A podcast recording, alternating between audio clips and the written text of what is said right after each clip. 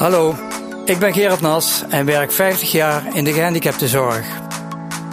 Ik was enthousiast en soms moedeloos, maar altijd betrokken. In deze podcast praat ik met mensen uit de praktijk, ervaringsdeskundigen, verwanten en begeleiding.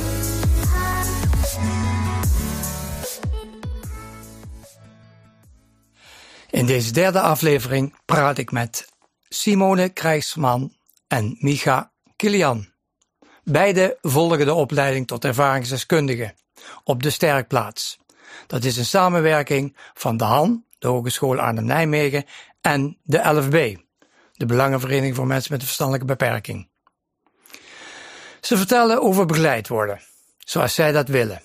Suzanne en Misha beginnen met commentaar op Lin en Eumer uit de vorige uitzendingen. Lin en Eumer, die natuurlijk wel bewoners begeleiden, die wat meer ondersteuning nodig hebben. Maar eerst eventjes een voorstelrondje. Simone, kun je even iets over jezelf vertellen?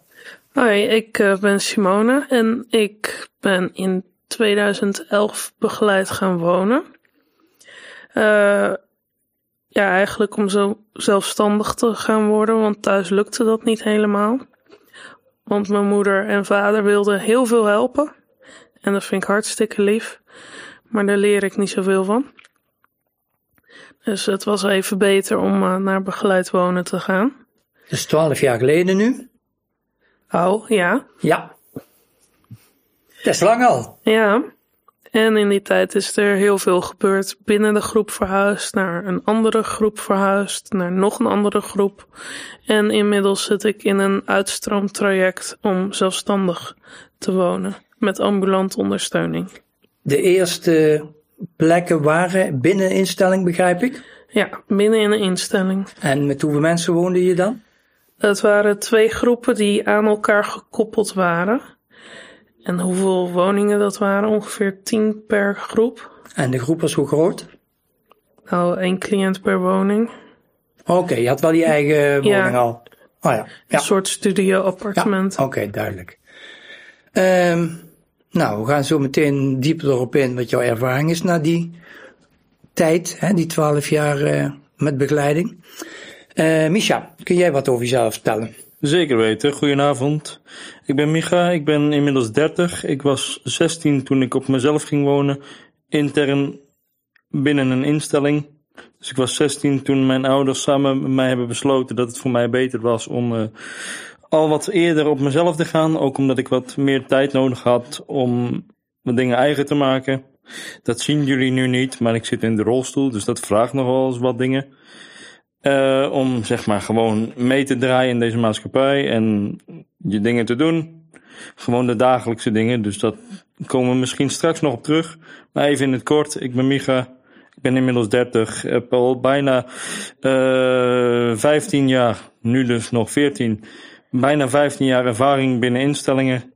Goede en wat minder goede, maar daar komen we straks wel even op terug. Ja, je bent ook begonnen binnen instelling? Ja, ik ben uh, vanuit mijn ouderlijk huis, want ik ben de oudste van vier, uh, ben ik uh, op een, binnen een instelling gaan wonen, omdat het voor mij nodig was dat ik daar nog wat ondersteuning bij kreeg. Los van het feit dat ik dus nog, ik was 16 op dat moment, ja. dus eigenlijk vol in de puberteit. Kwam je op een extra instelling terecht met een groep? Of ja, je, ik, ja, ik heb op een groep gewoond van ongeveer acht tot negen jongeren. Met, okay. met begeleiding daar, uh, zeg maar, op 24 uur beschikbaar. Nachtdiensten, avonddiensten, ochtenddiensten, al die systeemdiensten die we in, inmiddels uh, kennen. Ja.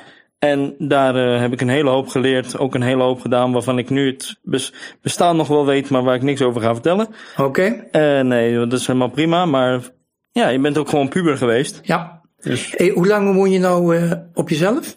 Ik woon inmiddels, ja, eigenlijk vanaf mijn zestiende dus op mezelf. Ik heb altijd kamertraining gevolgd, of een hele periode lang kamertraining gevolgd. En sinds nu ongeveer zes jaar dus als je uitrekent wat ik net vertelde, dat ik nu 30 ben. Ja. Uh, heb ik nu mijn eigen huurhuis met ambulante ondersteuning. Ja. Dus ik heb een heel traject gevolgd. En uiteindelijk ben ik ambulant gaan wonen. En die, ja. Uh, ja, ja, daar gaan we straks nog wat meer over vertellen. Ja, ik ken jullie beiden van de Samen Sterk werkplaats. Hier in Nijmegen, van de LFB en van de HAN. Ja. Eh, daar komen we misschien straks ook nog even over te spreken als jullie eh, ja, ook nog wat Als vertellen dat, over dat jullie is, projecten. zeker. En, eh, Ja. Ehm, ja, jullie hebben geluisterd naar eh, de podcasten van ehm, Lin en Ummer. yes. Randlos. Wie wil eerst? Nou ja, het is meer. Kijk, ehm, laat ik beginnen. Ehm, ik vond het heel mooi om te horen hoe de belevingswereld en hoe, hoe de wereld van mensen bij elkaar komt. Hè? Mhm. Dus hoe de wereld, hoe we het met z'n allen hebben ingericht en de belevingswereld, hoe dat bij elkaar komt. Ehm, nou ja, maar ik had daar persoonlijk nog wel wat andere een andere mening over. Ja, want het was begeleiding, hè? Die Ja. vertelde over een Het waren werk. begeleiders, ja. Ja, Dat was Eh, heel duidelijk. Dat was heel duidelijk. Er waren eigenlijk twee, twee eh, eh, Eumer die werkte met name in de instelling, laten we het zo maar even zeggen. Ja. En eh, Lin, die was meer ambulant aan huis. Ja, die heeft wat meer. eh, Ja, Simone. Sorry. Ja. Wat, eh, eh, vond je dat een verschil dat je duidelijk kon horen of niet? Ja, heel goed. Want bij de een merkte je duidelijk dat er nog heel veel sturing nodig was. Terwijl bij de ander was het wat meer van er is al een opgezet plan en hoe help ik dat het goed blijft gaan. Ja. Welke Wel- van de twee zou je over de vloer willen? Geen even bij je, misschien Nou, eentje? Lin, want anders moet ik weer terug naar een instelling. Ja, ja. Eh Misha, welke van die twee zou jij over de vloer willen? Ik denk dat het voor mij gezonder is om Lin over de vloer te krijgen. En ik denk dat het voor Eumer beter is om buiten te blijven. Want ik ben niet zo iemand die, die heel gauw zomaar iets aanneemt. Ik ga graag de, het gesprek aan. Ja. Of, je, of het nou een goed gesprek is of een wat minder goed gesprek, discussie, maakt me allemaal niet uit. Maar het is belangrijk dat we elkaar be- blijven begrijpen. En ik had soms het idee dat eh beide, maar vooral Eumer, zich nog heel erg vasthield aan systeempjes. Ik ben de, of wij zijn begeleiders, dus wij weten wel hoe het werkt.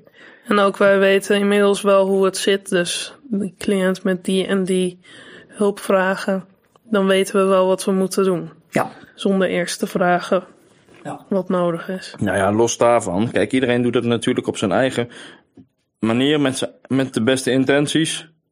Maar de manier is niet altijd. Er is niet altijd één manier. Dus je, moet- wat mij betreft moet je kijken, en ik geloof ook wel dat ze dat doen, naar wat er nodig is. Eh, je gelooft ook wel dat ze dat doen. Zeker. Geloof je dat echt?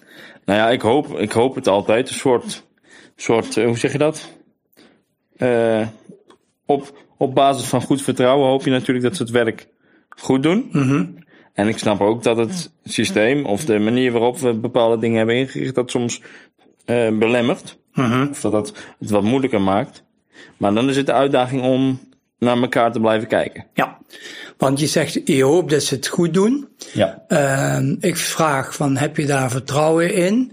Eh, Simone, jij zegt van, ehm, wat mij het meest opviel is dat ze het allemaal al wisten. Ja, ze wisten het heel zeker. Zo kwam het tot mij over. Alle twee? Vooral Eumer. En Ja. Lin eerst wel, maar later kwam er toch iets meer ruimte. Ja. Ehm, ik denk dat jij het meest de situatie mee hebt gemaakt, Misha, waar Ummer ook eh, in werkt, in een instelling. Ja, klopt. Want ik heb, eh, even voor het beeld, ik ben in 2009 begonnen. Binnen de instelling, toen ik 16 was. Toen was het nog echt zorgen voor. Dus toen was het het oude, bege- het oude begeleider, zeg maar. Eh, de begeleider werd opgeleid om voor de mensen te zorgen. En wij weten wat goed voor jou is. Nou, daar waar Simone net al even op terugkwam. Mensen gingen er heel erg vanuit dat zij uiteindelijk wel wisten waar, wat goed voor die persoon was. Omdat ze daarin opgeleid waren. En dat, dat herkende ik heel erg bij Umme. Dat hij daar toch nog wel eh, op een bepaalde manier naar keek. Van nou ja, het is lastig om, om die mensen een bepaalde kant op te sturen. Want dat begrijpen ze niet. Of dat zit in hun beperking. Of nou ja. Het is, niet, het is niet negatief bedoeld. Want het is gewoon de manier waarop ze opgeleid zijn. Je zegt net zorgen voor, hè? Wat staat er tegenover zorgen voor? Hoe noem je dat? Zorgen, Jullie? eh, dat noemen wij, of dat, Ja. dat noem ik, laat ik het bij mezelf houden. Dat noem ik zorgen met. Dus dat Oh, op het moment dat jij met mij in gesprek gaat en dat we van elkaar snappen wat er nodig is, dan ga je met elkaar zorgen voor het beste resultaat. Ja. wat jij zegt, het zorgen met, Ja. denk ik dat overal wel op papier staat. Hè? Dat als je elke visie eh, bekijkt eh, van een zorgaanbieder, Ja. dat ze allemaal zeggen, de cliënt staat centraal toch? Hè? Ja, dat zal best op papier staan. Maar kan dat ook altijd? Nou ja, en dat is dus het verschil tussen het op papier zetten van iets en het daadwerkelijk kunnen uitvoeren. Denk je dat het soms niet kan, Simone? Nou, misschien is niet iedereen in staat om altijd eerlijk te zijn naar wat hij of zij nodig heeft. Ja. En nou heb je het over cliënten? Bijvoorbeeld, maar ook een begeleider die zichzelf in zijn of haar kunnen overschat of onderschat. Maar als iemand zegt van ik kan jou daarbij helpen en het blijkt te zijn dat dat niet zo is, hoe goed bedoeld, die cliënt met vaak een wat zwakkere positie in de samenleving krijgt daar een grote klap van. Ja. Die zwakkere positie in de samenleving, hè? Ehm, is die, heeft de cliënt naar jouw eh, inzicht ook een zwakkere positie in de relatie met de begeleider? Puntje bepaaltje? Dat is heel afhankelijk van wat voor zorg je nodig hebt. Want als je eh, lichamelijke zorg nodig hebt, bijvoorbeeld je moet gewassen worden, je kan nog zo boos zijn op een eh, begeleider, maar jij moet toch aangekleed worden of op bed gelegd worden. Dus da- daar moet je je ook overheen kunnen zetten. Ja. Want je moet nou eenmaal die zorg krijgen. Ja, je hebt geen keus. Ja. Of het gebeurt niet, of het gebeurt door degene waar je net een flinke discussie mee hebt gehad. Ja.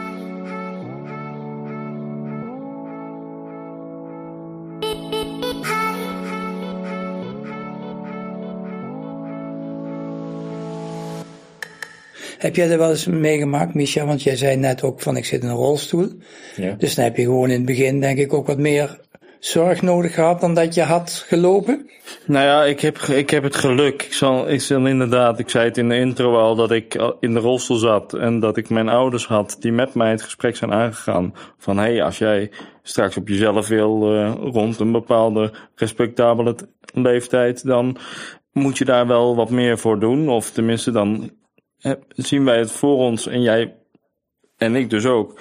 Van dat je daar wat, wat meer voor moet doen. Maar het, het soort mantra wat mijn ouders, ouders altijd met mij mee hebben gegeven is, het is je, je zit wel in een rolstoel of je hebt wel een beperking, maar je bent absoluut niet zielig. Ja, oké. Dus op het moment dat je iets wil, wil eh, organiseren of wil dat het gebeurt, zou je daar zelf ook in, initiatief in moeten nemen. Dus je had gewoon hele sterke ouders die ook aanstuurden op jouw zelfstandigheid. Ja.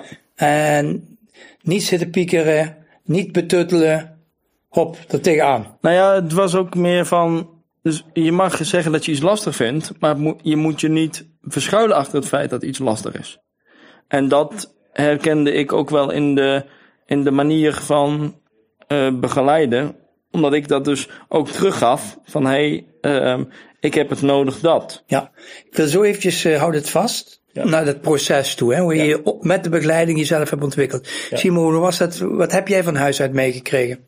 Eh, vooral van ga maar proberen. En als het niet lukt, dan zijn we er voor je. En ook al ben je moe, we gaan gewoon. En dan, eh, Ja, dus ook een stukje prikkelen, stimuleren om niet bij de pakken neer te gaan zitten. nee, zeker niet altijd wel eh, naar eigen kunnen. Zoveel mogelijk doen. Ja. Ja, Dat herken ik ook heel erg, ja. dus daar krijg je dan eh, van huis mee, eh, Simone. Ja, flinke dosis doorzettingsvermogen. Ja. Eh, ik, je krijgt dat van huis mee. Hoe, Ja. hoe ging dat verder toen je niet meer van je ouders begeleiding kreeg of ondersteuning, maar vanuit ehm, ja, een zorgorganisatie? Heb je dan nog moeten knokken of was het ook meteen goed? Nou, Het was wel een weg vinden, want alle begeleiders zijn toch net even iets anders. En dan heb je ook nog de visie van je ouders, hoe je zelf bent opgevoed. Hoe jij dacht dat de regels waren, die gelden opeens niet meer in de zorginstelling. En daar moet je een weg op ja, zien te vinden. Welke regels eh, waren er niet meer in die zorginstelling die je kende? Nou, eentje die mij is bijgebleven. Ja. Ik ben niet bij die instelling gaan wonen, maar een voorwaarde was dat ik daar moest verdienen dat mijn huisdieren op de kamer mochten zijn. Terwijl ik die al meer dan tien jaar had. Maar dan moest ik laten zien uh, dat ik die kon verzorgen. En het woord van mij en mijn ouders was niet genoeg. Duidelijk. Hoe heb je dat ervaren? Dat was voor mij een hele duidelijke reden om niet met die in zee te gaan. En wel met een instelling waar ze meer met mij meekeken. Ja. ja. En mijn ouders natuurlijk. Ja. Heb jij nog uh, uh, kunnen of moeten kiezen of was het meteen raak bij de eerste instelling? Nou ja, ik heb niet per se uh, hoeven kiezen, want ik had het geluk dat een vriend van mij, voordat ik daar naar die instelling ging, al zei van, uh, Micha, ik, ik heb jou zo aangehoord, ik ken je natuurlijk een aantal jaar, dan zou, je dan zou jij daar ongeveer uitkomen. En dat is denk ik ook de plek waar jij moet zitten. En uiteindelijk heeft hij tot op de dag van vandaag gelijk gehad. Mm -hmm. Samen met zijn ouders, want er zijn ook gesprekken met mijn ouders over geweest. Dus dat is gewoon wederzijds hebben we daarover gesproken. En had je dat, moest je daar ook een beetje knokken om je eigen weg te blijven volgen? Nou ja, wat ik, wat, als je, als niet, per se, niet per se knokken, maar het was wel zo, ik ben de oudste van vier. -hmm. Dus ik ben altijd opgevoed met het feit dat ik een gigantisch verantwoordelijkheidsgevoel heb ontwikkeld. Niet per se omdat mijn ouders dat wilden, maar dat was meer omdat ik dat vond. Omdat ik dus nog jongere... Ik kende, ik ben ook thuis. Ja, nou ja, dat. Ja. Dus je hebt ook nog wel ergens het idee van als ik dan uit die instelling kom, dan moet ik wel een bepaald uh, ja, doel hebben gehaald, zeg maar. Mm -hmm. Dus daar was ik vooral mee aan het knokken. Hoe kan, vooral met mezelf dus. Van hoe kan ik er nou voor zorgen dat hetgeen wat ik wil halen, dat ze dat ook met mij halen, zeg maar. Mm -hmm. Maar ik heb, het ik heb het geluk gehad, en dat was echt een geluk, dat ik een begeleider had op een gegeven moment. Ik ga geen namen noemen. Nee, heeft, nee, nee, doe, heeft doe, geen zin, maar ja. ik bedoel, dat er een begeleider was die snapte waar ik doorheen ging. Niet per se omdat hij ook de oudste was, maar meer omdat hij snapte, hé, hey, jij moet ergens, je komt ergens vandaan. Hoe, belangrijk was dat? Dat je iemand in de buurt had die je begreep? Absoluut. Dat is, dat is misschien wel het begin van alles. Want op het moment, je hoeft het niet altijd met elkaar eens te zijn, maar als je maar met elkaar het besef hebt van, hey, als je een beetje meer impact wil hebben of een beetje meer met elkaar mee wil gaan, dan moet je elkaar begrijpen. Als je daar begint, dan, dan kun je een hele hoop doen. Want ik kon op een gegeven moment ook een aantal potjes bij hem breken. Ik weet niet of iedereen snapt wat ik daarmee bedoel. Dat denk ik wel. Maar andersom kon hij dat ook bij mij. Dus op het moment dat er iets gebeurde waarvan ik dacht, dan dacht ik, oh, je hebt nog een, je hebt nog een potje over. Zeg ja, maar. ja, ja, ja, het was niet mee patsboom. Nee, het was, het was niet gelijk. De potjes vielen niet kapot. Nee, het was niet, het was geen olifant in een porseleinkast, ja, zeg maar. Ja. Dus hoe, is dat, het, uh, hoe is het bij jou?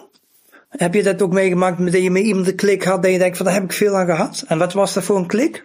Simone? Um, vooral iemand die gigantisch goed naar mij heeft geluisterd en zich heeft ingezet, uh, zodat ik het beste uit mezelf kon halen. Want als zij niet had gezegd van er zit meer in, dan was ik nergens gekomen. Had je er zelf nog niet in de gaten dat er meer in zat dan uh, toen? Nou, dat was een lastige periode waar ik middenin zat. En op dat moment dan blijf je er makkelijker in hangen als ook een begeleider zegt van nou laat maar, dat komt toch niet goed. Ja. Totdat er dan eentje is van kom op, doe even normaal en we gaan gewoon wat proberen. Was het het eentje? Of want hoeveel begeleidings heb je dan? Even wachten hoor, Misha. Met hoeveel begeleidings heb je te maken? Uh, Even met een natte vinger, hè? Met een natte vinger? Ik denk dat ik inmiddels uh, in de loop. Nee, maar gewoon als je. Nee, ja? even met een natte vinger. Ja? Ik, ik, denk dat je gemiddeld drie, vier mensen op een dag ziet. Oké, okay, ja, duidelijk. En hoeveel dus... zit er in een team? Uh, wat is dat? Dat zullen er acht zijn. Acht tot tien. Is bij jou ook zoveel? Uh, minder, denk ik. Ja, maar goed, toch wel vier? Ja, omdat er twee groepen samen zaten, dan ja. stond er ook wel eens iemand alleen voor iedereen.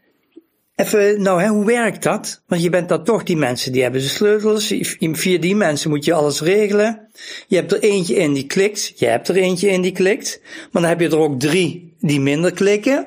Of vijf. Hoe werkt dat? Nou ja, als je dat, als je dat zo moet wegstempelen, hè, als er want er zijn er vast wel meer waarmee je klikt, maar Mooi, ja. waarmee je echt de, de connectie aangaat, de diepere connectie, dat was er voor mij. In de loop van de jaren is dat, zijn dat er wel meer geweest, maar als ik naar mijn puberteit kijk, was dat er vooral één. Die echt snapte wat ik nodig had. En die daar ook niet bang voor was om dat tegen mij te zeggen. Maar ook andersom. Van hé Micha, volgens mij eh, gaat het niet helemaal goed. En als je dat dan hebt, dan, ja, het klinkt heel raar, maar dan gedoog je die anderen. Ja. Of dan denk je, nou ja, weet je, eh, Ja, je neemt- er waarschijnlijk ook meer van aan.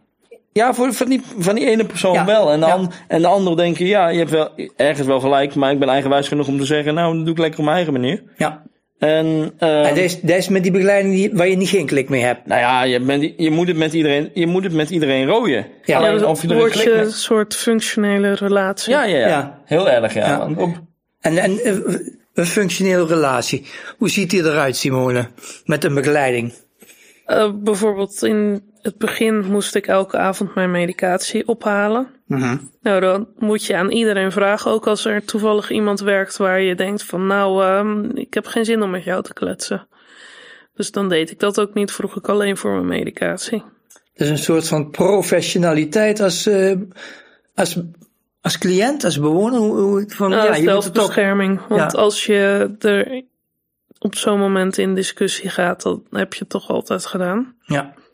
En gelijk krijg je dan zelden, denk ik. Of, Ligt eraan met wie, maar met de personen waar ik het nu over heb, dan kan je maar beter eh, naar de uitspraak eieren voor je geld kiezen. Er geen energie aan. eh, nee, maar dat, hoe, Besteden. hoe kom je daarachter? Daar voel je je aan? Of dat weet je meteen? Of duurt het een week of twee? Gelukkig voel ik dat heel goed aan. Ja. Hoe is dat bij jou? Ja, ik, ik voel dat ook wel aan.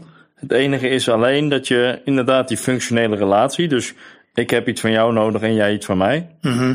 die, die, die bouw je zodanig uit met degene waar je in principe geen klik mee hebt, Ja. dat het eh, echt vooral heel functioneel wordt. Van joh, prima, jij, jij wil nu iets van mij, nou dan krijg je dat. Maar dan is hetgeen wat ik later van jou wil, dat zetten we daar tegenover. Ja. Soms is het gewoon een. Je, je maakt afspraken met elkaar. En dat is het. Ja. Maar je maakt toch soms vaak ook afspraken met een heel team, of niet?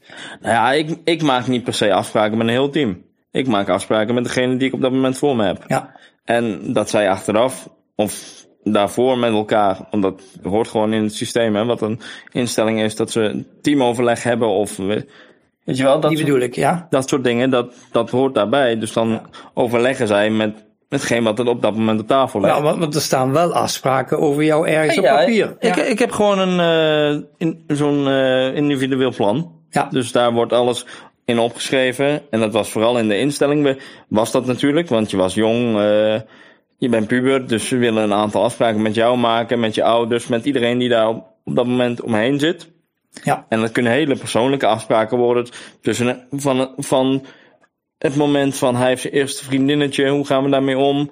Eh, ja, dat. Ja. Weet je wel, want hij, hij is jong, hij is puber, hij wil ook wat dingen uitproberen. En hoe gaan we daar dan mee om? Los van de, de, de, hoe heet dat? De protocollen die daar voor een instelling, Ja. voor een instelling aanhangen. ja.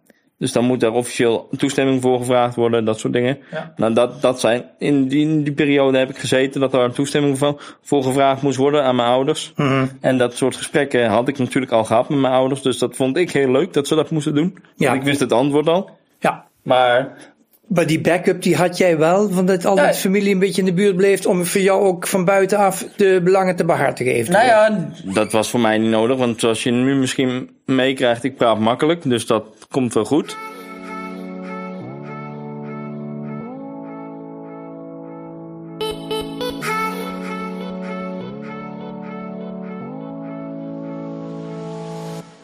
Hoe was dat voor jou? Heb je die steun gehad? Of heb je die nodig gehad van, van buiten van je ouders, zal ik maar zeggen? Nou, mijn vader heeft echt avonden achter elkaar boos gebeld naar begeleiding. Van waar in de puntje puntje zijn jullie vandaag mee bezig geweest?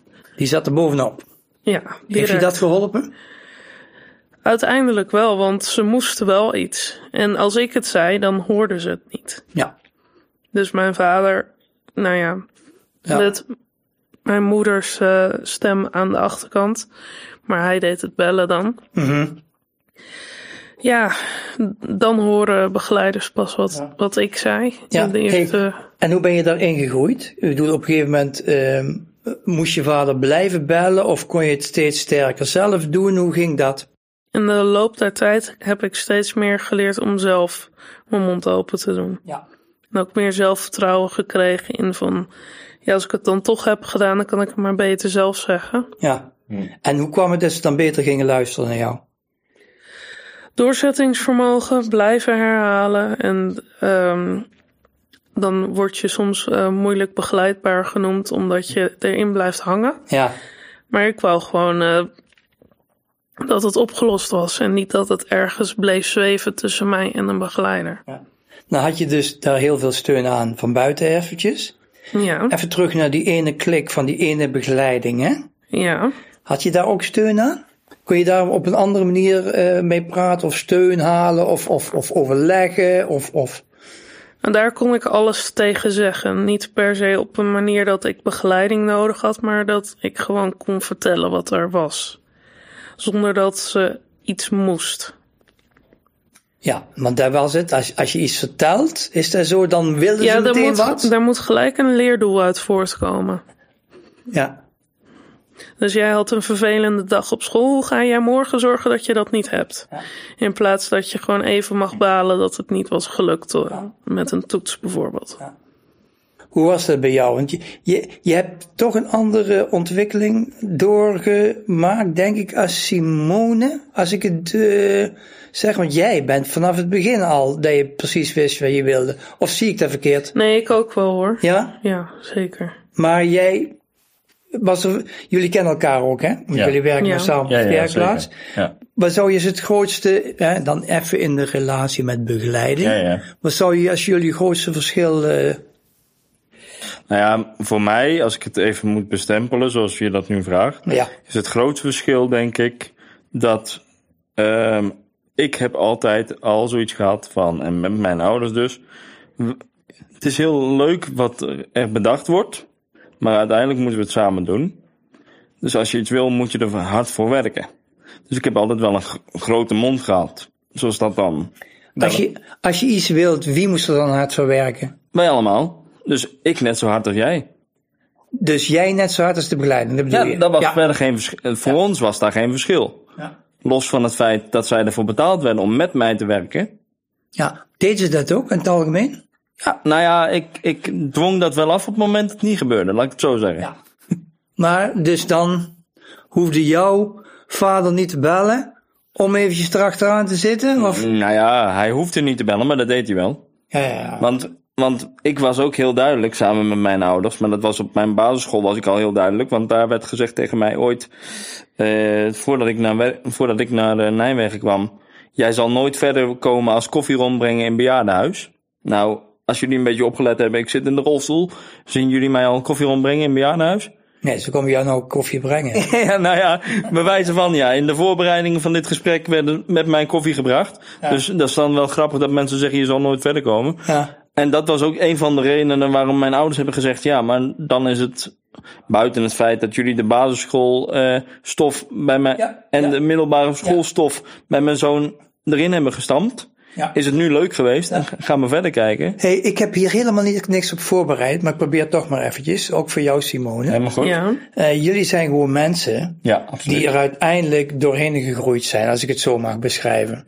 Ja, Ja? Eh, gewoon, en nog steeds groeien. en nog steeds groeien. dat doet iedereen. Heb hè? je gewoon medebewoners gehad waarvan je dacht van, eh daar had meer in gezeten en daar is het anders mee gegaan, dat ze minder sterk waren? Laat ik het zo zeggen, ik heb, wel eens ik heb wel eens bewoners of medebewoners van mij gehad waarvan ik dacht van, het is dat ik je geen schop kan geven. Maar anders had ik je echt wel een schop gegeven, ja. En dan meer in de zin van, ik had, ik had hem dan zo graag die schop gegeven, dat hij zichzelf, boven zichzelf uit was gestegen. Ja. Los van begeleiding, hè, want die deed dat, die probeerde dat dan ook wel. Maar die persoon was zo afgesloten en zo overtuigd van zichzelf, ook door het, de omgeving waar die uitkwam. Want dat, Ja, overtuigd van zichzelf of niet overtuigd? nou ja, overtuigd van de manier waarop het moest, zeg maar. Ja. En dat kwam ook door de omgeving vaak waar, waar de mensen uitkwamen, want dat doet ook een hele hoop, hè. Mhm.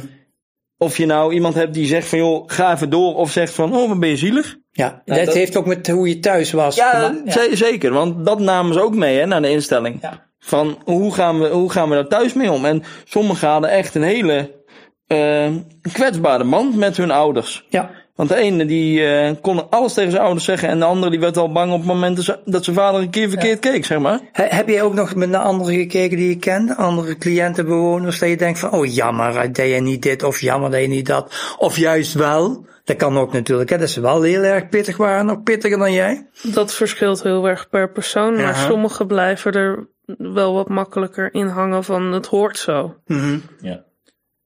Ja. Dus ik gedraag me daar maar naar. Ja, die ik- pakken de regels zoals ze er zijn. Ja. En dan wordt Ja. niet over En dat wordt niet horen. Eh, Vind jij ook zelf dat je iemand was die aan die regeltjes een beetje ging duwen en knabbelen? Altijd. Heb Ja. ik altijd al gedaan. Ja. Want qua jouw uitstraling is een hele rustige, hè? Ja, maar er gebeurt heel veel. Ja, ja, ja. En Dat, daar vergissen mensen zich nog Ja. wel eens Maar in. je kunt je eigenlijk wel voorstellen dat je mensen, dat ik bijvoorbeeld op verkeerd... Nee, in- inmiddels niet meer, want ik ken je ook al een jaar. Dus jij fluit mij wel terug. Maar in het begin zat ik door jouw rust op het verkeerde been, hè? Ja, Ja. maar dat is ook vaak in mijn voordeel. Hm. Want mensen denken dat ik heel veel dan niet hoor, maar ik krijg alles mee. Ja. ja. Ja.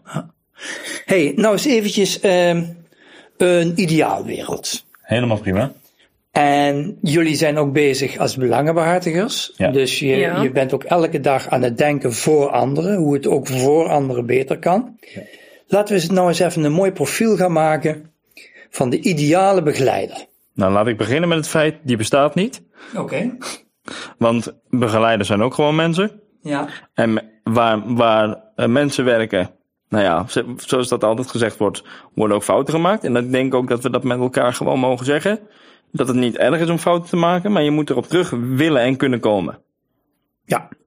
Dus het is ook iemand die af en toe zegt, toegeeft van ik zat bij het verkeerde eind. Ja, net, net als jij net bijvoorbeeld de interpretatie van Simone deed. Je dacht, oh, dat zal een hele rustige dame zijn. Maar als je iemand leert kennen, kom je er waarschijnlijk achter dat er een hele hoop in zit. Of juist een hele andere kant op Ja. gaat. Ja. En, dat, en als je dat met elkaar durft toe te geven, van hé, hey, ik zat aan het verkeerde eind, maar ik ben er nu. Ja. Dan Wat, wat ligt daaronder? Wat, wanneer kan een begeleiding dat doen?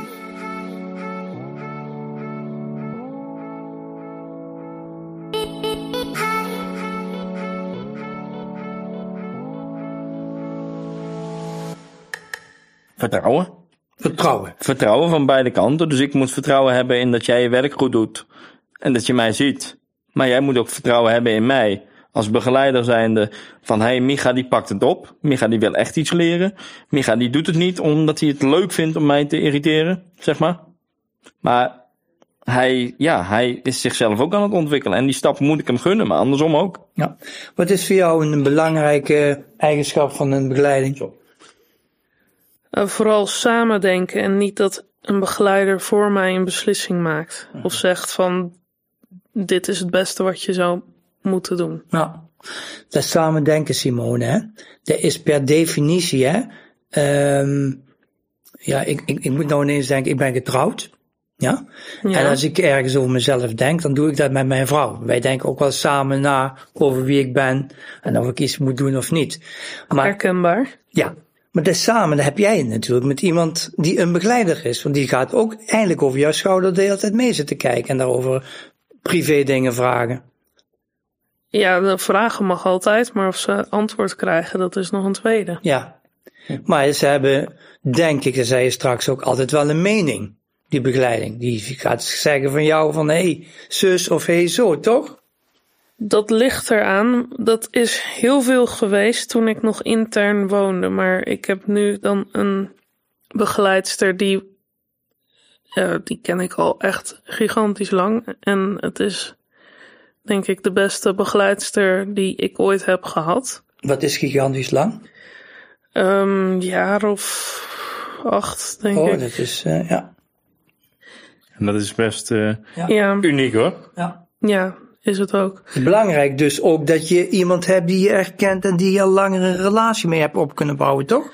Ja, dat is toevallig zo gelopen. Ook wel even een periode niet, omdat er werd gedacht dat een team dat wel kon. Maar Mhm. toen veranderde het team en kon het niet meer. Ja. En daarvoor is mijn zorgvraag soms iets te complex. omdat mijn hoofd gigantisch snel gaat, kunnen begeleiders dat niet bijhouden. Mhm. Zeker niet op een moment als ik vol met emoties zit, dan gaat dat te snel. Ja.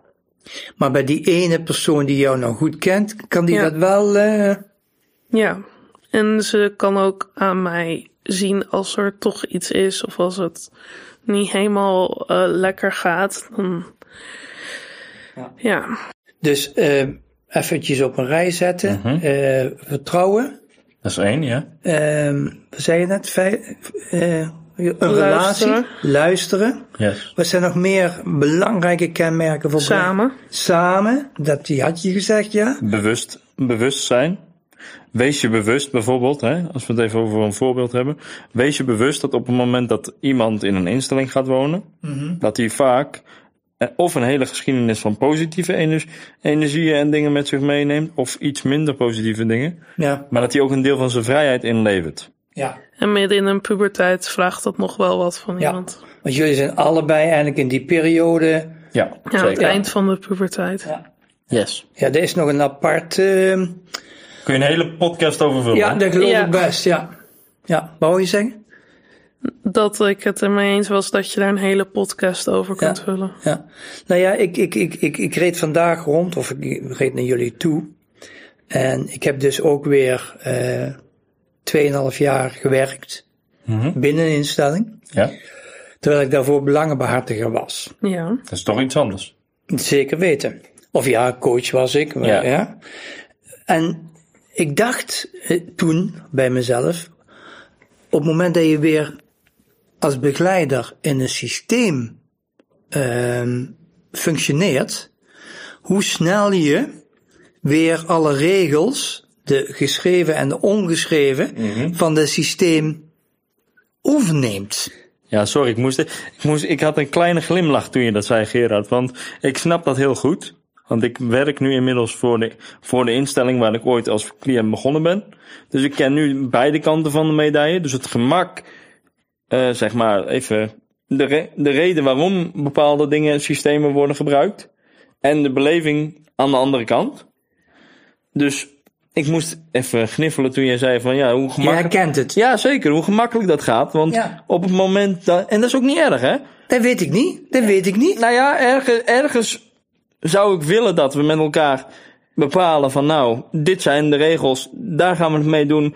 En hoe normaal, zo normaal mogelijk gaan we met elkaar om. Ja, maar, maar ik, Misha, Simone, ik heb het erover dat ik in een systeem terechtkom. En in dat systeem heb ik collega's. Ja, klopt. Ja. En die collega's die doen misschien dingen die ik denk van, nou, dat is niet zo tof hoe je dat doet. Maar ik heb toch ook die collega's nodig om te kunnen werken. Dat noem ik een spagaat. Ja, maar die spagaat, die snap ik wel. Ja. Want in principe, de spagaat waar jij het nu over hebt, Gerard, die, ben, die zijn wij ook de hele dag aan het leggen. Ja, dus ik wil, Simone, even naar jou luisteren. Maar ik heb de regels in mijn hoofd van de instelling.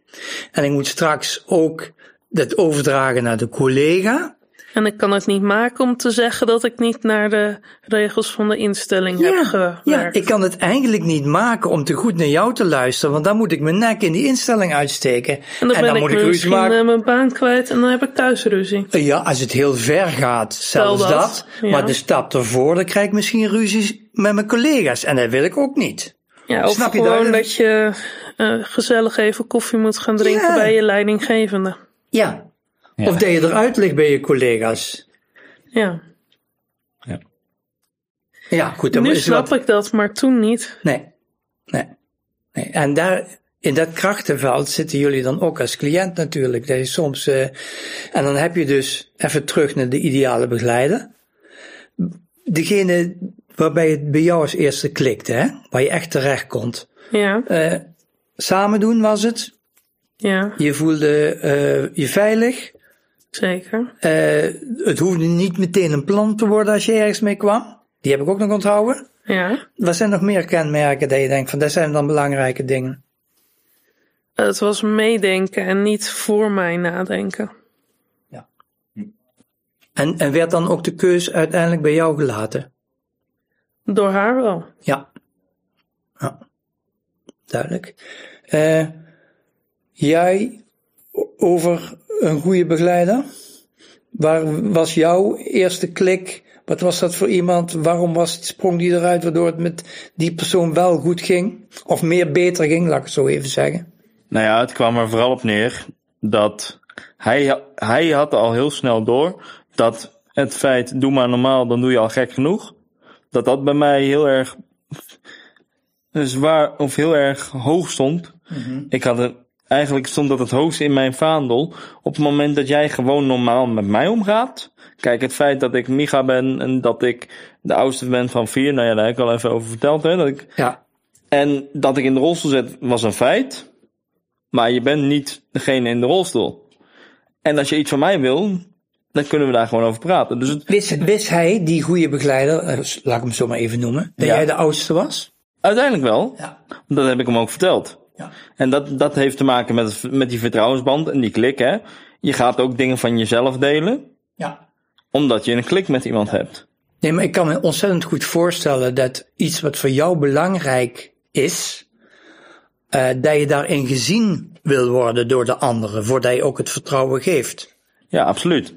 Maar dat is, dat is denk ik voor jou ook, Gerard. Toch? Ja, ja, precies, daarom zeg ik het. Dus dat is dat stukje, het normale. Doe maar normaal, dan doe je al gek genoeg.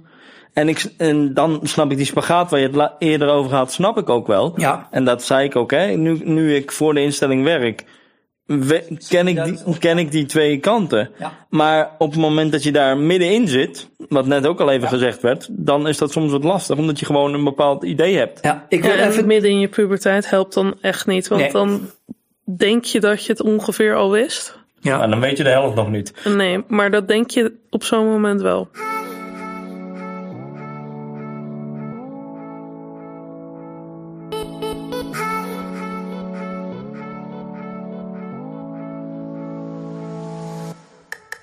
Tot zover deze aflevering van Achter de Beperking. Reacties zijn meer dan welkom, evenals onderwerpen en ideeën. Hiervoor is er ook een Instagram-pagina. Die heet ook Achter de Beperking. Of je kunt naar mijn website gerardnas.nl met twee S'en.